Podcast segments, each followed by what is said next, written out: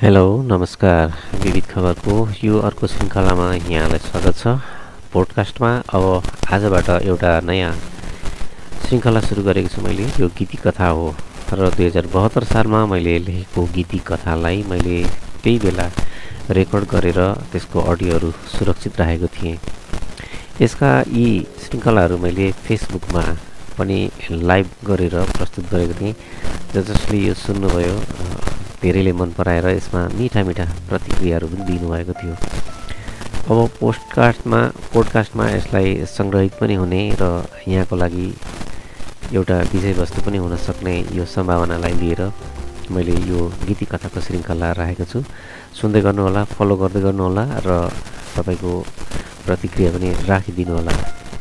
प्रस्तुत छ यो मेरो आफ्नो रचनाको एउटा गीती कथाको श्रृङ्खला। पहिलो भाग आज प्रस्तुत भएको छ र अन्य भागहरू क्रमशः म राख्दै जानेछु। प्रस्तुत छ गाउँको गोरे।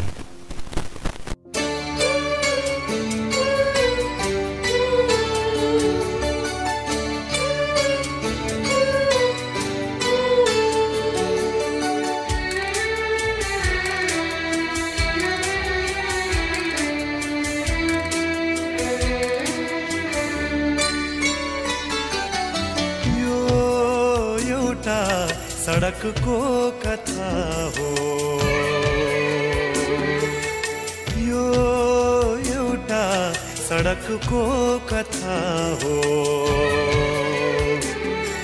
यो मेरो आफ्नै कथा हो। कथा हो। यो मेरो छाती बिचमा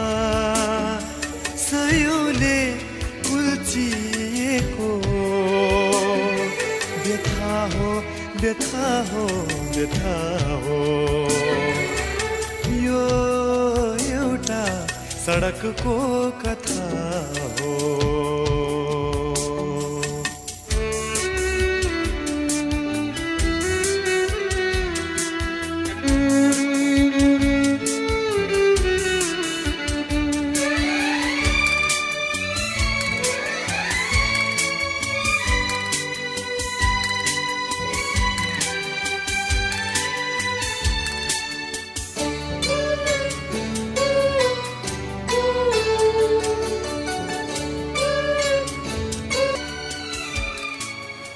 जीवनको परिभाषा दिनेहरू विभिन्न वस्तुसँग दाँजेर परिभाषालाई प्रष्ट पार्ने कोसिस गर्छन्। जिन्दगीको परिभाषा दिँदै मानिसहरू यो अमूल्य शरीरलाई मानवले बनाएका कृत्रिम वस्तुसँग पनि तुलना गर्छन्। आखिर जसले जे भने पनि यथार्थमा जीवनलाई जसले जसरी भोग्यो त्यही आधारमा बताउने हो। मेरो विचारमा जिन्दगी एउटा गीती कथा हो। एकछिनमा गीत बज्छ एकछिनमा कथा अघि बढ्छ यसपछि के होला? यसपछि के होला भन्दा भन्दै थाहा नपाई गीती कथाको समय सकिन्छ। जीवनको समय पनि नचाहँदा नचाहँदै यसरी नै सकिन्छ। गीती कथाका प्रस्तुताले देख्दै नदेखेको अर्को हप्ता भेटौँला भनेर बिदा मागे जस्तै। हामी पनि नदेखेको अर्को जनीमा भेट्ने आश गरेर आफ्नो श्रोता रूपी आफन्तसँग मिठो प्रस्तुति दिने प्रयासमा जीवनको एक घन्टा आफ्नो कथा र गीत बजाएर बिदा हुन्छौँ। राम्रा कथा र राम्रा गीत रच्न सके। हाम्रो जीवन पनि गुन्जिरहन्छ। झुर कथा र झुर गीत भए हामी पनि एक घन्टालाई आफैले बर्बाद बनाएको पत्तो पाउँदैन। रेडियो रूपी यो संसारमा आज मेरो जीवन पनि यसरी बढिएको छ। सायद यस्ता धेरै कथा कैयन रेडियोमा बजेका होलान्। तर आफ्नो जीवनको हरेक कथा सबैको लागि आफूलाई महत्त्वपूर्ण लाग्छन्। मलाई यो कथा आजको गीती कथामा पढियो भने ढुक्क हुनेछ। मानिसको हरेक मेहनत ढुक्क हुनको लागि नै भएका छन्। र मैले यो कथालाई पनि सुनिसकेर ढुक्क हुनको लागि एउटा सानो प्रयास गरेको छु। अज्ञात कुखुरीले पारेको फुल मेसिनले निकालेको ब्रोइलरको चल्ला जसको बाबुको हो आमाको हो थाहा हुँदैन। मेरो जीवन पनि यस्तै छ। मलाई मेरो आमाको हो बाबुको हो थाहा छैन। मलाई मात्र होइन। मेरो बाल्यवस्था जुन घरमा बितेको हो उनीहरूलाई पनि थाहा छैन। जसलाई मैले सानोमा आमा भनेर हुर्केँ उनी मेरै आमा होइनन् भन्ने पनि मैले धेरै पछि थाहा पाएको थिएँ।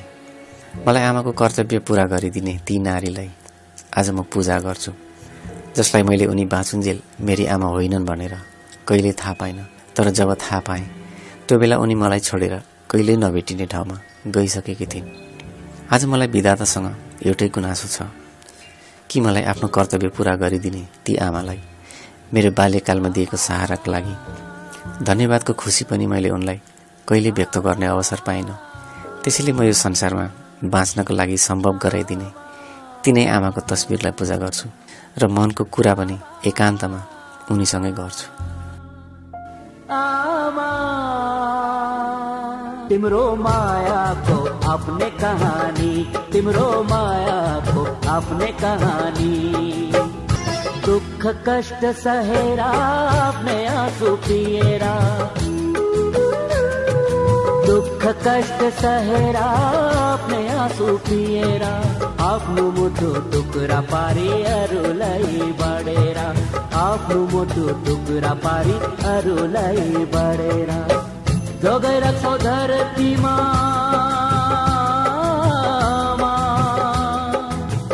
जोगाइ राख्छौ धरतीमा आफ्नै निशानी तिम्रो मायाको आफ्नै कहानी, तिम्रो मायाको आपने कहानी।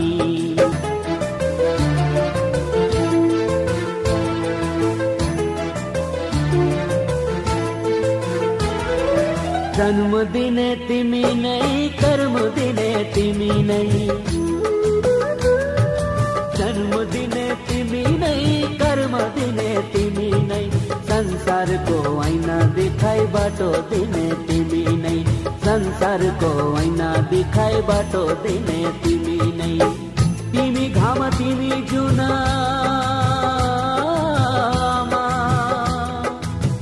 तिमी घाम, तिमी जुना, तिमी नै पानी।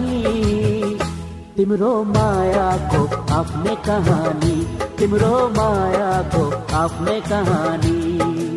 आमा आमा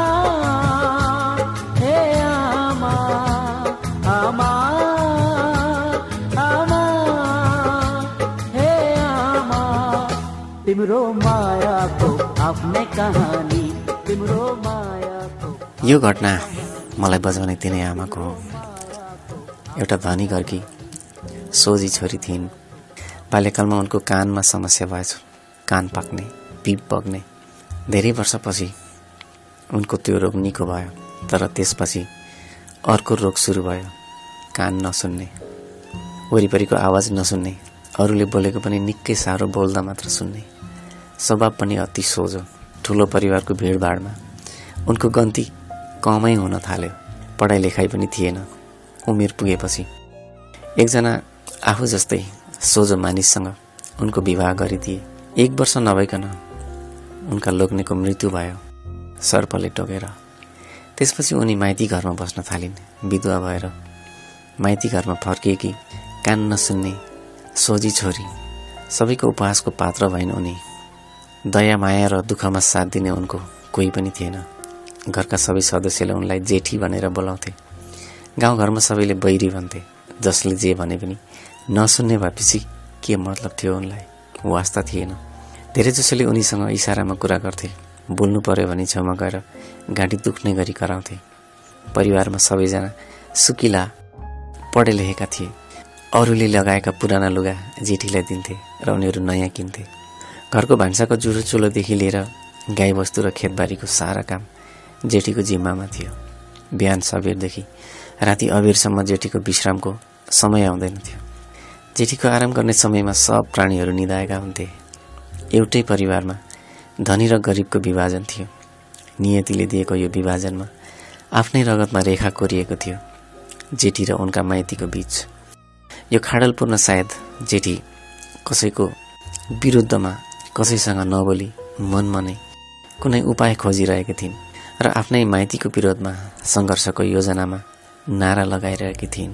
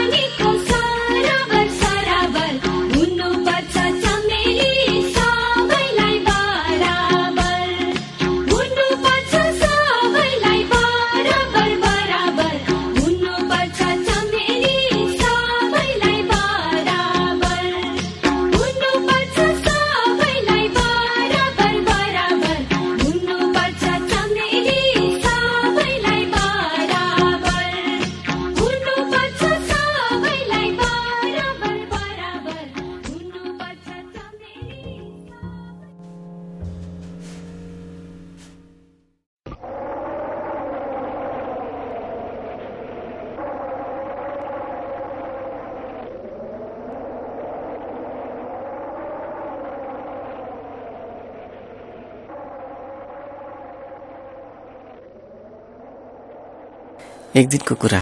जेठी डोको बोकेर बिहानै घाँस काट्न गएकी थिइन्। घरबाट निकै परको खेतमा। जहाँ कुनै घर र मानिसको उपस्थिति थिएन। आलीको बाटोमा हिँड्दै जाँदा उनले आफ्नो पाइला राख्ने ठाउँमा रगतका थोपाहरू देखिन्। बिस्तारै अघि बढ्दै गइन्।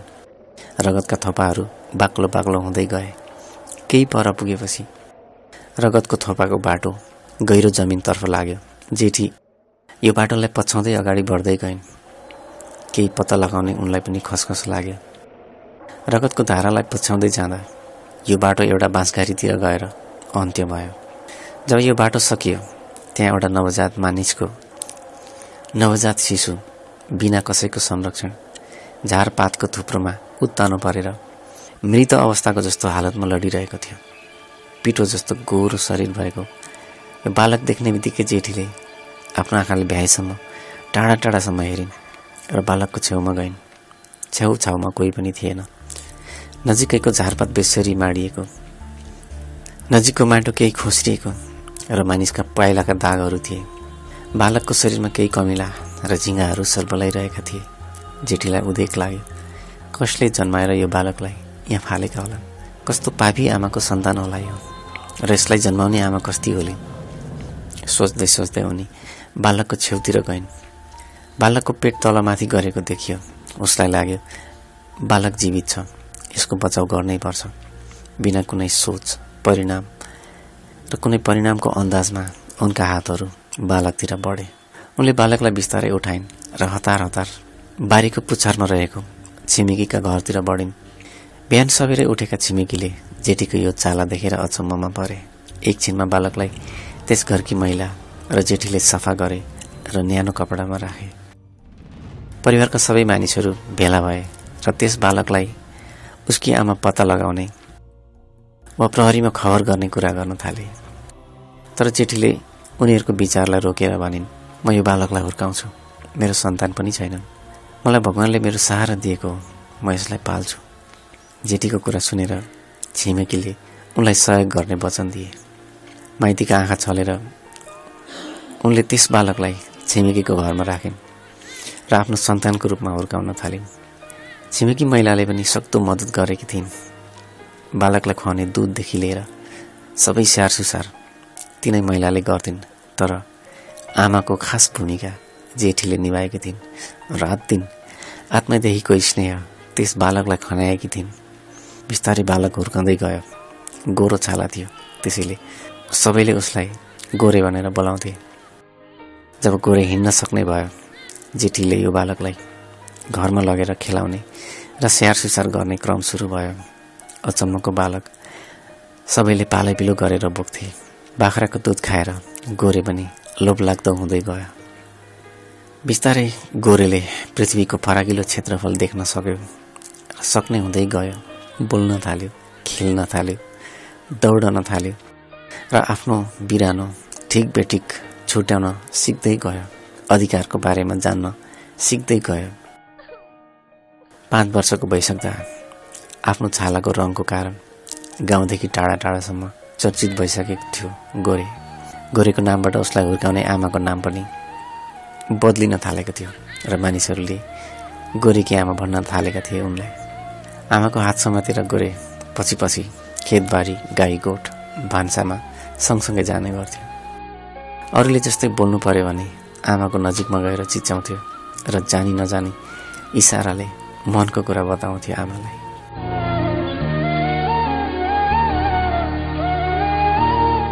हो त्यही गोरे हो म आज पनि मलाई सबैले गोरे नै भनेर चिन्छन्। मलाई मेरो शरीरको छालादेखि केही गुनासो छैन। मेरो रङ हेरेर नाम दिने पण्डितहरूसँग पनि केही गुनासो छैन। आँखाले जस्तो देख्यो त्यस्तै बोल्ने मान्छेको चलन मैले जानिसकेको छु। बाल्यकालमा मैले सब थोक पाएँ तर उचित संस्कार पाइनँ। आमालाई पुरा चेतना थिएन तर म ममाथि उहाँलाई भरोसा थियो। मैले पढे पनि नपढे पनि। जीवनमा एउटा बलियो सहारा मै हुन्छु भन्ने यही भरोसामा उहाँले सबै दुःखलाई स्वीकार्नु भएको थियो।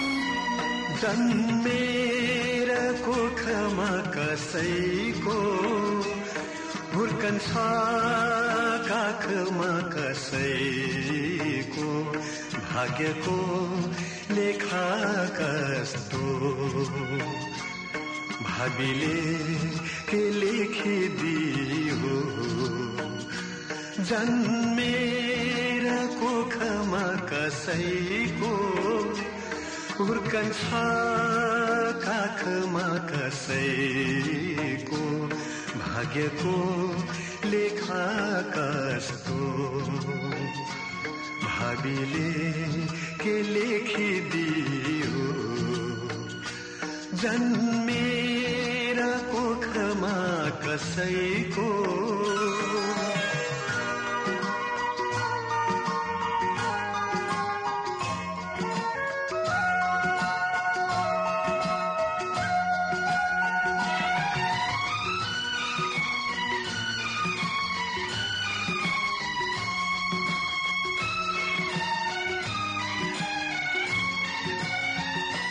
कसले छोडेको कसको नासो हो जिन्दगीको अनौठो नाता को हो आफ्नो को हो बिरानो के होला यो रगतको नाता के होला यो रगतको नाता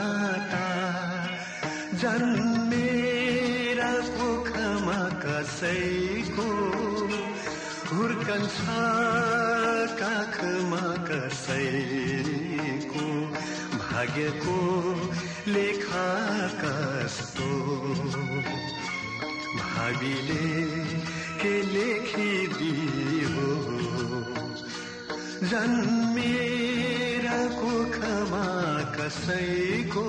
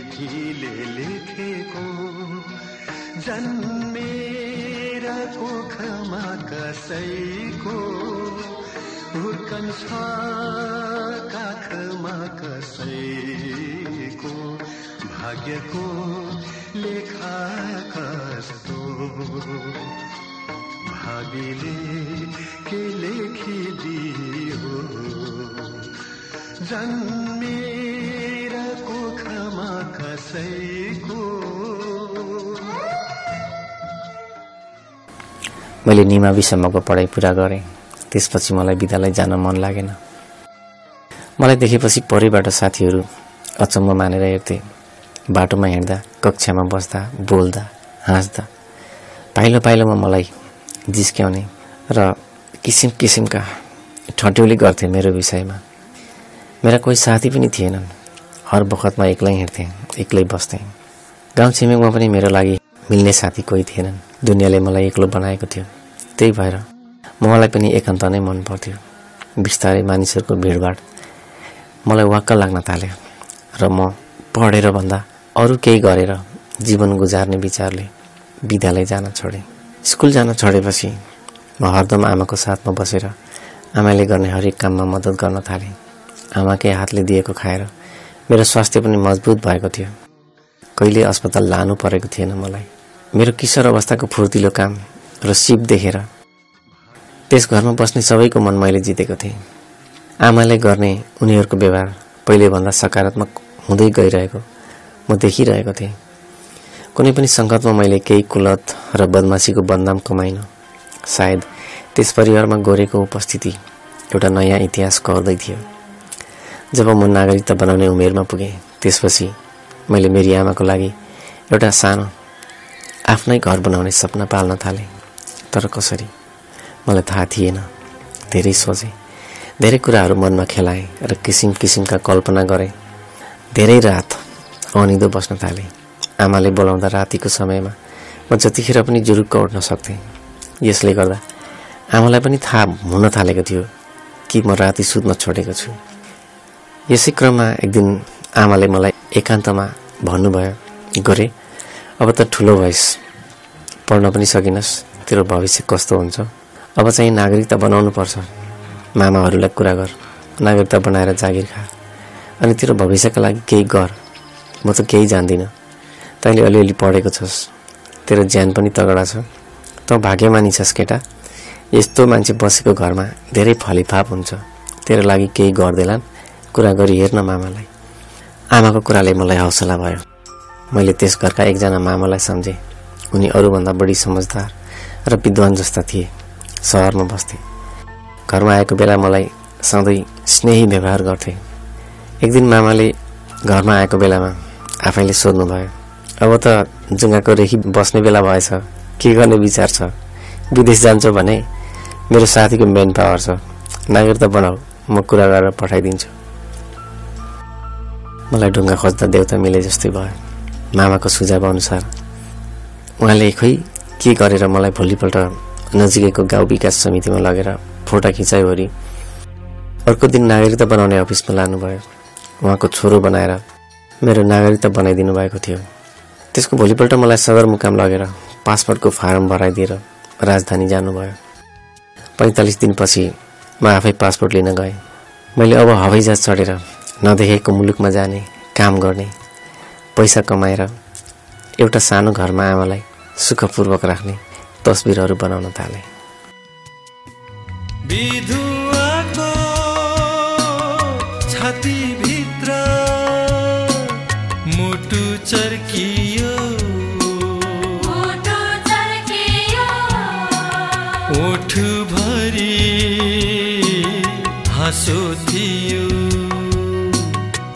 आँसु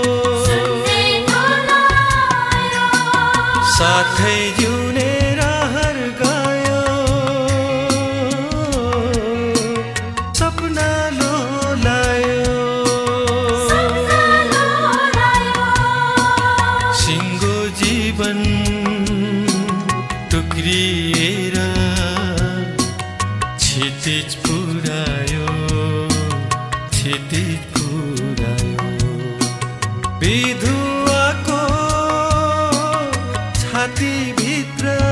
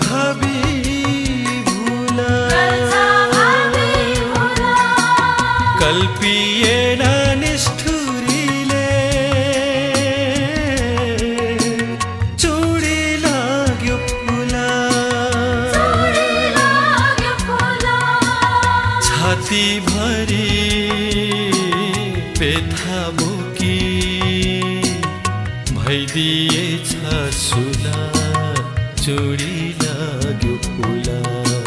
विधुवाको छाती भित्र मुटु चर्कियो। ओठ भरी हाँसो थियो। आँसु आँसु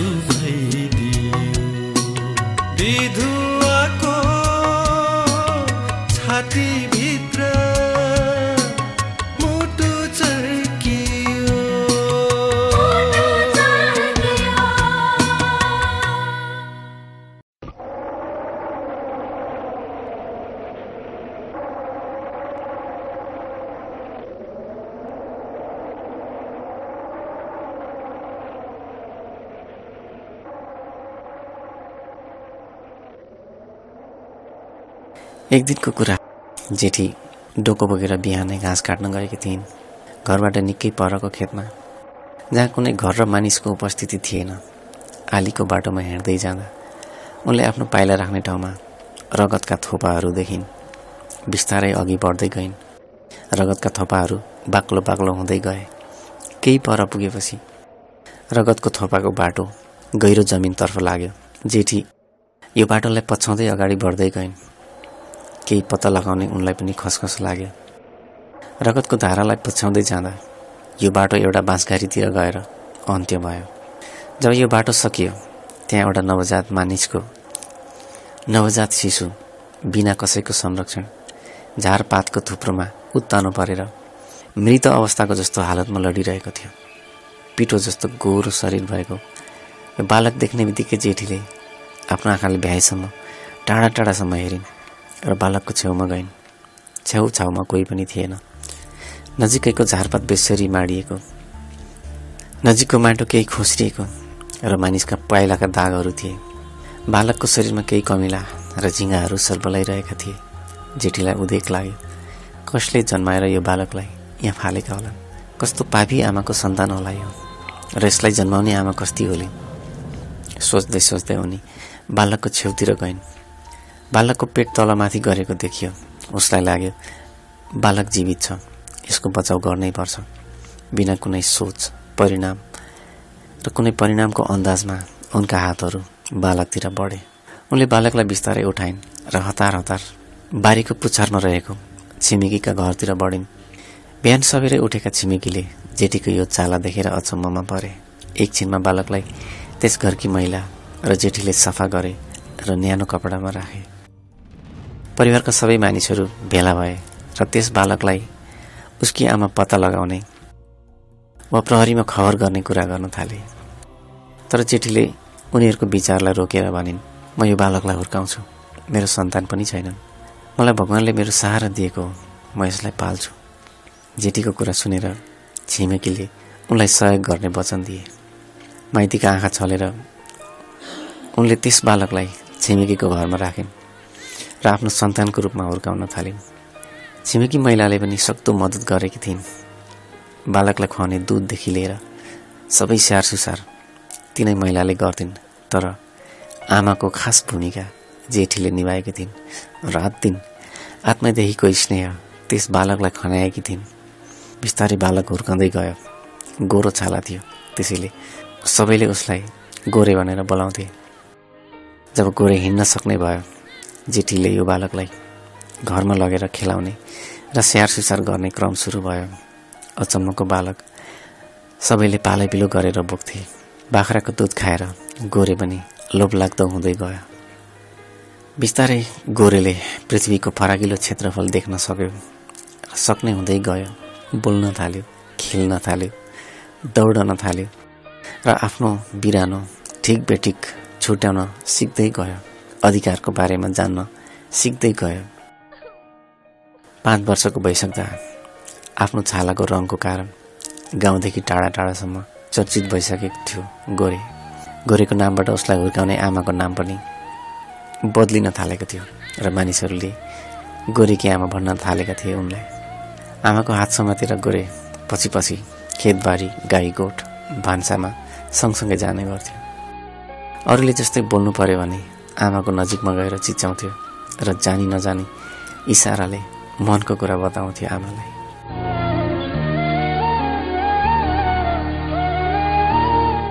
हो त्यही गोरे हुँ म। आज पनि मलाई सबैले गोरे नै भनेर चिन्छन्। मलाई मेरो शरीरको छालादेखि केही गुनासो छैन।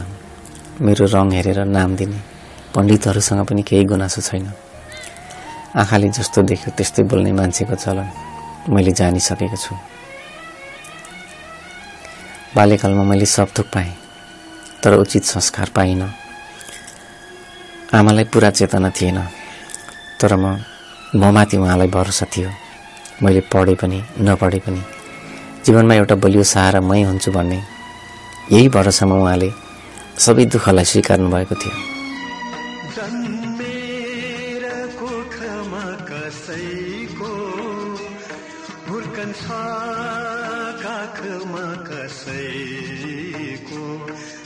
भाग्यको लेखा कस्तो? भावीले के लेखिदियो? जन्मेर कोखमा कसैको? हुर्कन्छ काखमा कसैको? भाग्यको लेखा कस्तो? भावीले के लेखिदियो?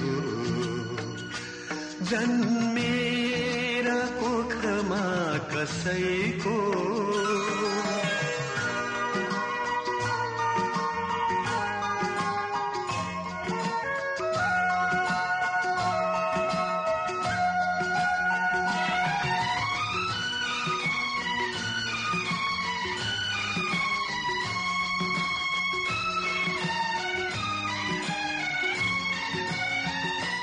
कसले छोडेको कसको नासो हो जिन्दगीको अनौठो नाता। को आफ्नो को हो बिरानो के होला यो रगतको नाता। के होला यो रगतको नाता।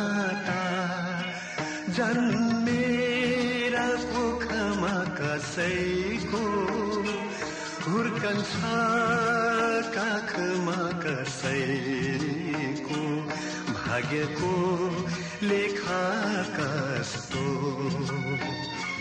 भावीले के लेखिदियो जन्मेर कोखमा कसैको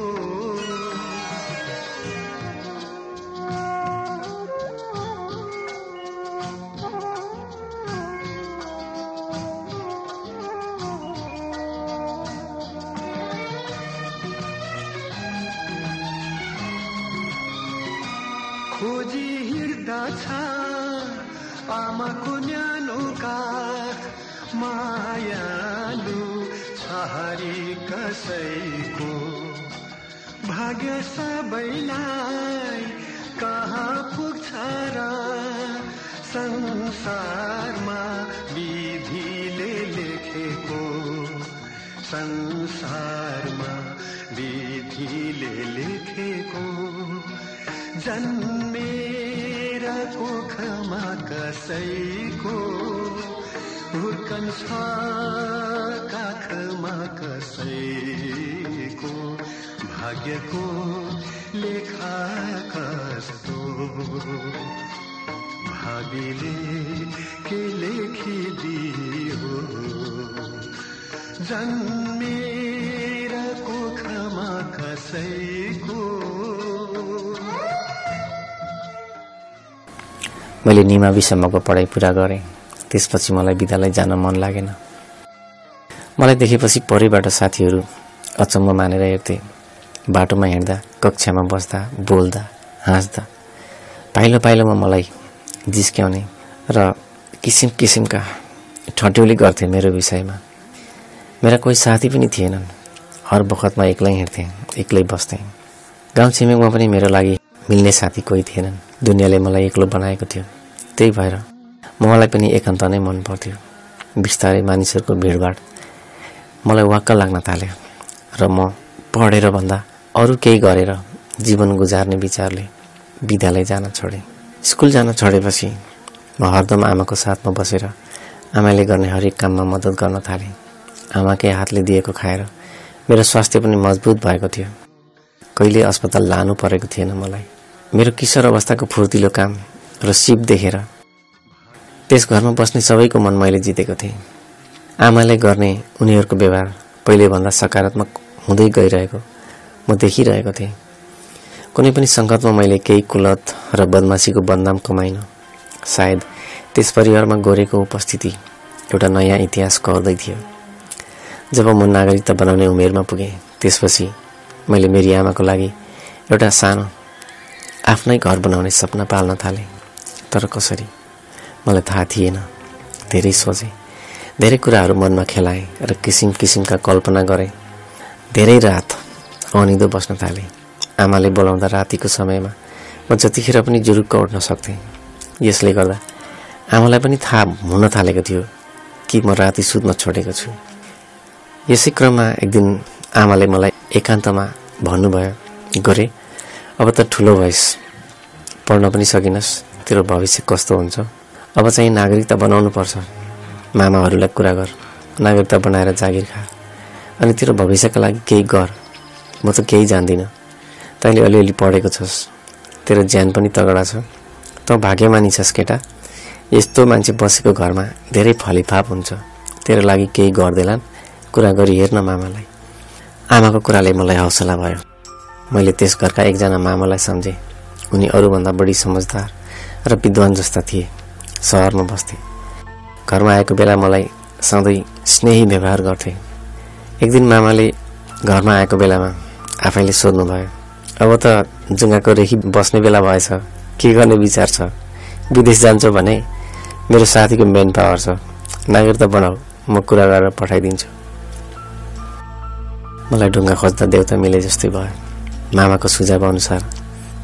उहाँले खै के गरेर मलाई भोलिपल्ट नजिकैको गाउँ विकास समितिमा लगेर फोटा खिचाइवरी। अर्को दिन नागरिकता बनाउने अफिसमा लानुभयो। उहाँको छोरो बनाएर मेरो नागरिकता बनाइदिनु भएको थियो। त्यसको भोलिपल्ट मलाई सदरमुकाम लगेर पासपोर्टको फारम भराइदिएर राजधानी जानुभयो। पैँतालिस दिनपछि म आफै पासपोर्ट लिन गएँ। मैले अब हवाईजहाज चढेर नदेखेको मुलुकमा जाने काम गर्ने पैसा कमाएर एउटा सानो घरमा आमालाई सुखपूर्वक राख्ने तस्बिरहरू बनाउन थालेँ। बिधुवाको छातीभित्र मुटु चर्कियो मोटो चर्कियो ओठभरि हाँसो थियो आँसु